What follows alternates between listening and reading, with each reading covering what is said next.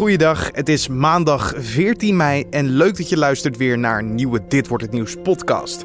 Mijn naam is Carne van der Brink en ik praat je vandaag weer bij over het nieuws van afgelopen nacht en ook wat voor dag het vandaag gaat worden. Met erin aandacht voor de opening van de Amerikaanse ambassade in Jeruzalem. Want wat zijn de gevolgen hiervan? Vooral de jonge generatie heeft totaal geen vertrouwen meer in, uh, in de politiek. Nog van de eigen Palestijnse politici, nog van Israël, nog van wat er internationaal gebeurt. En de eindexamens gaan van start vandaag. Maar eerst kijken we kort terug naar het belangrijkste nieuws van afgelopen nacht. Een containerschip is tegen een spoorbrug in Gouda gevaren. Vanwege de aanvaring is het treinverkeer tussen Gouda en Alphen aan de Rijn stilgelegd. De vierde Gouden Brug is ernstig beschadigd, waardoor geen treinverkeer mogelijk is. De NS verwacht dat er veel minder treinen zullen rijden tot maandag half zeven. Reizigers kunnen gebruik maken van stopbussen tussen Gouda, Waddingsveen, Triangel, Boskoop en Snijdelwijk. Fernando Gaviria heeft de eerste etappe in de ronde van Californië gewonnen. De Colombiaan van Quickstep versloeg Caleb Ewan en wereldkampioen Peter Sagan in een massasprint. Leuk Nederlands feitje, Robert Geesink wist in 2012 de ronde van Californië op zijn naam te schrijven. Presentator Graham Norton, actrice Molly Winster en acteur Sean Bean hebben in Londen een BAFTA in de wacht gesleept.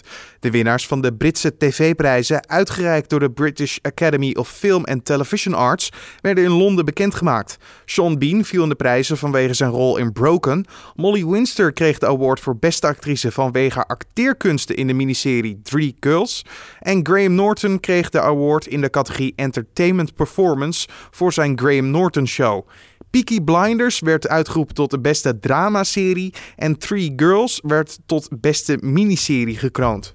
Bij een brand in een stal in het buitengebied van de Noord-Limburgse plaats Heidhuizen zijn 12.000 kippen om het leven gekomen. Een week eerder woedde nog een vergelijkbare stalbrand in Ospel, niet ver van Heidhuizen. Daarbij kwamen 23.000 kippen om het leven. De brand in Ospel zorgde voor een discussie over de veiligheid van grootschalige veehouderijen. Uit protest was er zondag een herdenking voor de omgekomen kippen. Daarbij werd een minuut stilte in acht genomen voor de overleden dieren. En dan kijken we naar het nieuws van vandaag, oftewel, dit wordt het nieuws. Vandaag zal in Jeruzalem onder leiding van Ivanka Trump de nieuwe Amerikaanse ambassade geopend worden. Ze verhuizen hierdoor de eerdere ambassade van Tel Aviv naar Jeruzalem. Het besluit van president Trump werd met veel kritiek ontvangen. Vooral de Palestijnen zijn boos. Zij zien Oost-Jeruzalem als de hoofdstad van een toekomstige Palestijnse staat.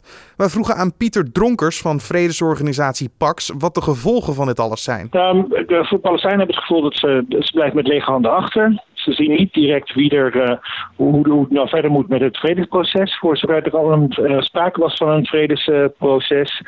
Um, ja, dus ze hebben het gevoel dat ze uh, met lege handen achterblijven. Dat, dat, dat, dat vooral. er is al heel veel uitzichtloosheid onder de Palestijnen. Ze, de twee-staten-oplossing lijkt steeds verder achter de horizon te verdwijnen. Vooral de jonge generatie heeft totaal geen vertrouwen meer in, uh, in de politiek. Nog van de eigen Palestijnse politici, nog van Israël, nog van wat er internationaal gebeurt. En er zijn dus veel Palestijnse jongeren die, die ja, eigenlijk zoiets hebben van, nou, hoe, hoe moet ik uh, verder met mijn leven? Um, en um, eigenlijk vooral uh, verlangen naar normaal leven in vrijheid door willen met hun leven en niet steeds vast willen zitten in het conflict, maar tegelijkertijd daar ook niet uitkomen. En dat is een, een grote jonge generatie Palestijnen en daar maak ik me wel wat zorgen over van hoe zij, uh, hoe zij hun toekomst uh, verder vorm kunnen geven. Ja, want kunnen we dan nog een gebaar van Israël verwachten richting de Palestijnen nu de ambassade opent in Jeruzalem? Denk je dat? Uh, dat is wel wat uh, Trump uh, zegt tegen de Israëli's. Van, nou, we hebben dit probleem nu opgelost van Jeruzalem vanuit zijn perspectief. En nu, nu moeten de Israëli's een volgende stap zetten in zijn ogen. Um, ik weet niet, ik zie niet uh, welke stap Israël uh, op dit moment uh, bereid is om, om te zetten richting de Palestijnen. Het zou natuurlijk mooi zijn, maar ik heb daar nog geen concrete voorstellen van de Israëlische kant over gehoord. -hmm. Je zei net al dat inderdaad de veiligheid, die is aanwezig. Dat wordt misschien ook op sommige punten aangescherpt. Maar hoe veilig is Jeruzalem voor de Verenigde Staten? Uh, voor de Verenigde Staten, uh, voor, uh, Israël is een uitermate geavanceerde staat qua, qua veiligheid. De veiligheidsdiensten weten volgens mij feilloos wat er overal gebeurt of voorbereid wordt. Dus um, nou, je zag het ook met de Giro d'Italia. Er wordt heel veel, uh, de afgelopen vorige week, er wordt er heel veel op veiligheid ingezet. En Israël is ook in staat om uh, veiligheid uh, gewoon bijna volledig waterdicht te waarborgen. Oké, ja, want je kan dit ook zien natuurlijk als de eerste stap. Zijn er nu al landen waarvan je weet die misschien gaan volgen? Ja, uh, Guatemala heeft aangekondigd dat zij op uh, eh, 16 mei hun uh, ambassade gaan verplaatsen. Paraguay wil dat ook nog in mei of, anders in juni doen. Roemenië is het van plan. En in Tsjechië wordt er ook over gesproken. Dus het, nou, deze stijlbreuk, zoals jij het noemde, het is een breuk met de internationale afspraken om Jeruzalem Um, voorlopig daar geen grote stappen over te zetten, internationaal rechtelijk. Uh, deze, deze stijlbreuk wordt, uh, wordt door andere landen nou ook gevolgd. Ja, maar ten slotte zal deze ambassade meer zijn dan alleen een, een pand die er neer wordt gezet op een locatie. Uh, zal het meer betekenen voor het conflict in het algemeen? Ik uh, vermoed het wel. Want het, de, het heeft dus aan de ene kant, uh, hiermee uh, disqualificeert de Verenigde Staten zich als onafhankelijke onderhandelaar tussen Israël en de Palestijnen. En daarnaast um, is het dus een, een, erkenning van de Israëlse claim op Jeruzalem. En een ontkenning van de Palestijnse claim op, op, op Oost-Jeruzalem. En um, ja, leidt het tot nog meer um, uitzichtloosheid en frustratie aan de Palestijnse kant. En waar ze dat in zal uiten op den duur, dat is, uh, um, nou, dat, is koffiedik kijken. Maar als je uit bent op een eerlijke en duurzame vrede, dan uh, is dit geen goede stap. Je hoorde Pieter Dronkers van vredesorganisatie PAX. Vandaag starten de eindexamens voor het voortgezet onderwijs. Ik ga ervan uit dat iedereen deze weken nog wel op zijn netvlies heeft staan. Veel stress komt erbij kijken, maar ook moet je presteren op het juiste moment. Om deze weken wat draaglijker te maken, vroegen wij aan Oscar Pater van scholieren.com of hij nog wat tips voor de scholieren heeft. Ja, wat ik, wat ik echt zou aanraden, en waarschijnlijk hoor je altijd dezelfde tips, uh, ook op gebied van voeding, maar je moet gewoon zo min mogelijk uh, aan het toeval overlaten. Dus uh, pas, uh, of pak gewoon je tas in, ruim van tevoren. Je weet wat erin zit. Je weet in welk vakje uh, je geodriehoek zit. Je weet in welk vakje je etui zit, achter welke rits je, ja, wat hebben we nog meer, je drinkflesje zit. zorg dat je dat gewoon weet en dat je dat op orde hebt. wat ik ook mensen aanraad is om voor het examen niet inhoudelijk met je klasgenoten te gaan praten. Dus je mag prima, uh, als je voetbal hebt gekeken gisteren, mag je daar prima over praten, best. Andere luchtige onderwerpen ook, maar ga nou niet zeggen, uh, poeh, algebra, dat vind ik wel een lastig onderwerp. Of uh, nou ja, noem, noem een ander onderwerp, of een andere uitspraak. Want je bent toch altijd geneigd om, om te vergelijken met je, met je medescholieren. Dus dat zou ik absoluut willen af, afraden. Je, je gaat nou eenmaal met een bepaalde hoeveelheid kennis ga je dat examen in. En uh, dat van tevoren vergelijken gaat je echt geen goed meer doen. Uh, dus uh, hou gewoon je mond dicht of heb het over luchtige onderwerpen van tevoren. Maar ook uh, dat je niets aan het toeval moet overlaten. En dat zit hem er bijvoorbeeld ook in. Bepaal al een week van tevoren hoe laat je op school gaat zijn. Want je weet, het staat al het hele jaar vast. Je hebt je eerste examen om negen uur bijvoorbeeld.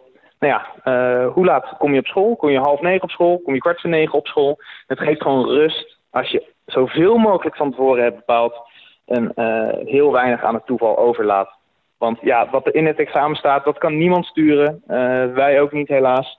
Uh, maar alles daaromheen, daar kan je enorm veel invloed op hebben. Ja, wat moet je zeker niet doen? Wat is echt dat je sowieso een rode streep doorheen moet zetten? Nou, wat ik sowieso zou afraden tijdens een examen is zomaar beginnen aan je examen. Niet doen. Uh, gewoon even eerst rustig ademhalen. Blader op je gemakkie uh, door het examen heen. Alsof je de leesmap aan het lezen bent bij de kapper, weet je wel. Kijk, iets wat je, kijk naar de dingen die je leuk vindt. Kijk naar de dingen die je minder leuk vindt. Want een examen is overleven. Uh, en dat, dat is echt zo. En niet zozeer omdat het zo zwaar is, maar omdat de teksten die erin staan, of de opgaves, ja, je hebt met de een wat meer uh, dan met de ander.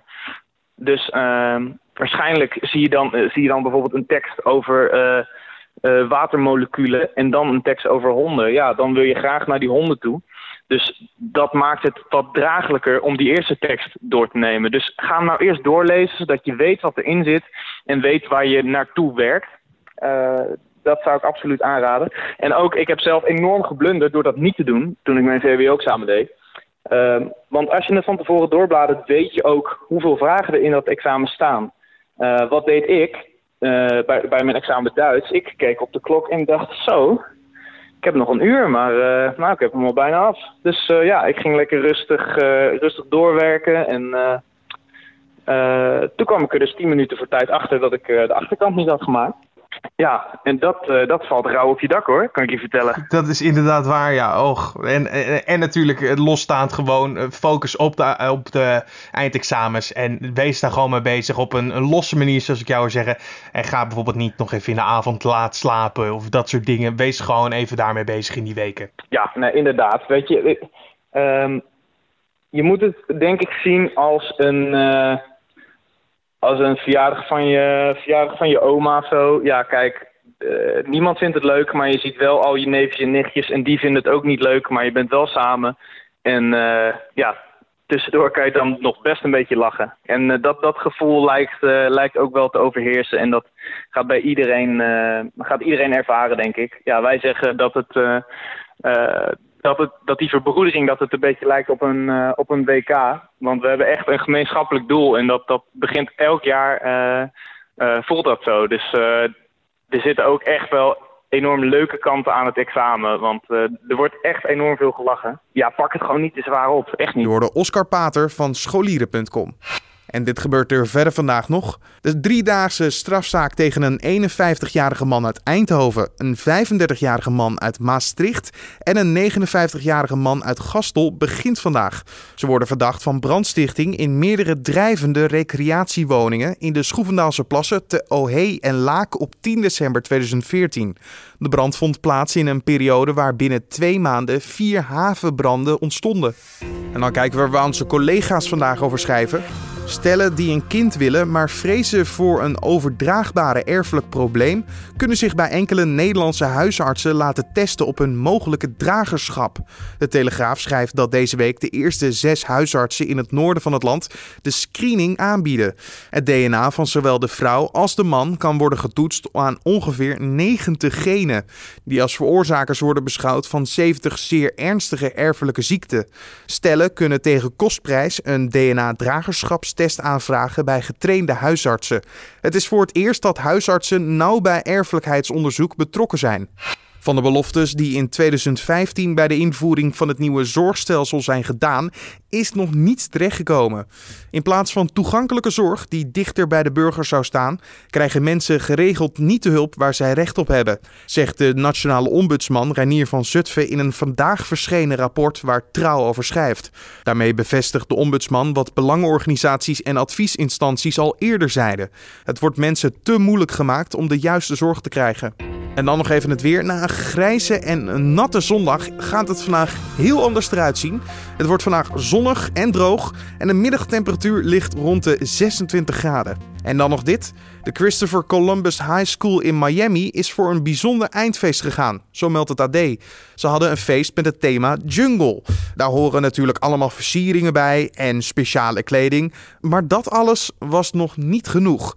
De schoolleiding had namelijk ook een tijger in een kooi geregeld. Nee, niet van plastic of een knuffelversie, een echte tijger. De actie van de schoolleiding zorgde voor veel kritiek. Zowel leerlingen en ouders beschrijven deze actie als dierenmishandeling. De school zelf zegt dat ze toestemming hadden en twee politieagenten in het geval dat. En als laatst voegden ze toe: het grootste deel van de tijd lag hij relaxed in zijn kooi met zijn hoofd afgewend van het publiek. Dit was dan de Dit wordt het nieuws podcast voor deze maandag 14 mei. Je vindt de Dit wordt het nieuws podcast natuurlijk elke maandag tot en met vrijdag om 6 uur ochtends op de voorpagina van nu.nl, via je desbetreffende podcast app, via Spotify bijvoorbeeld of iTunes. En je kan ons natuurlijk altijd helpen via een mailtje naar redactie.nu.nl of gewoon via een recensie op iTunes. Ze help je namelijk onze podcast beter te vinden voor anderen. Ik wil je voor nu een mooie dag wensen en natuurlijk tot morgen.